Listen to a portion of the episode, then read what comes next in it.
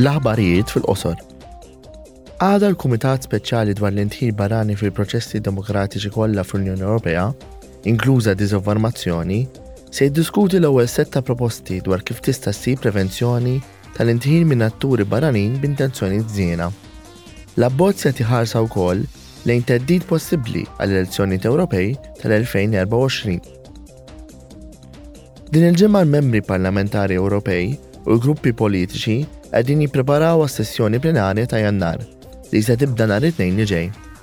Fi Strasburgu l-Membri Parlamentari Ewropej se jiddiskutu l-prijoritajiet tal-Presidenza Svediża tal-Kunsill tal-Unjoni Ewropea u se jevalwaw ir-riżultati tas-Summit tal-Unjoni Ewropea ta' Diċembru. Minbarra dan se jiddibattu mal-Kummissjoni dwar l-istabbiliment ta' Tribunal għad-Delitt ta' Aggressjoni fil-konfront tal-Ukrajna. Barra minn hekk, il-Parlament Ewropew se jiddibatti jivvota dwar regoli iktar stretti għal protezzjoni tal-ambjent u s-saħħa tal-bniedem, kif ukoll dwar fejn waslu d-drittijiet tal-bniedem u d-demokrazija fid-dinja. Il-Kumitat tal-Libertajiet Ċivili għada se jivvota dwar proposta sabiex jitneħħew l-ostakli li jxekklu l-ċittadini tal-Unjoni Ewropea li jgħixu f'pajjiżi oħra tal-Unjoni milli jivvutaw fl-elezzjonijiet lokali.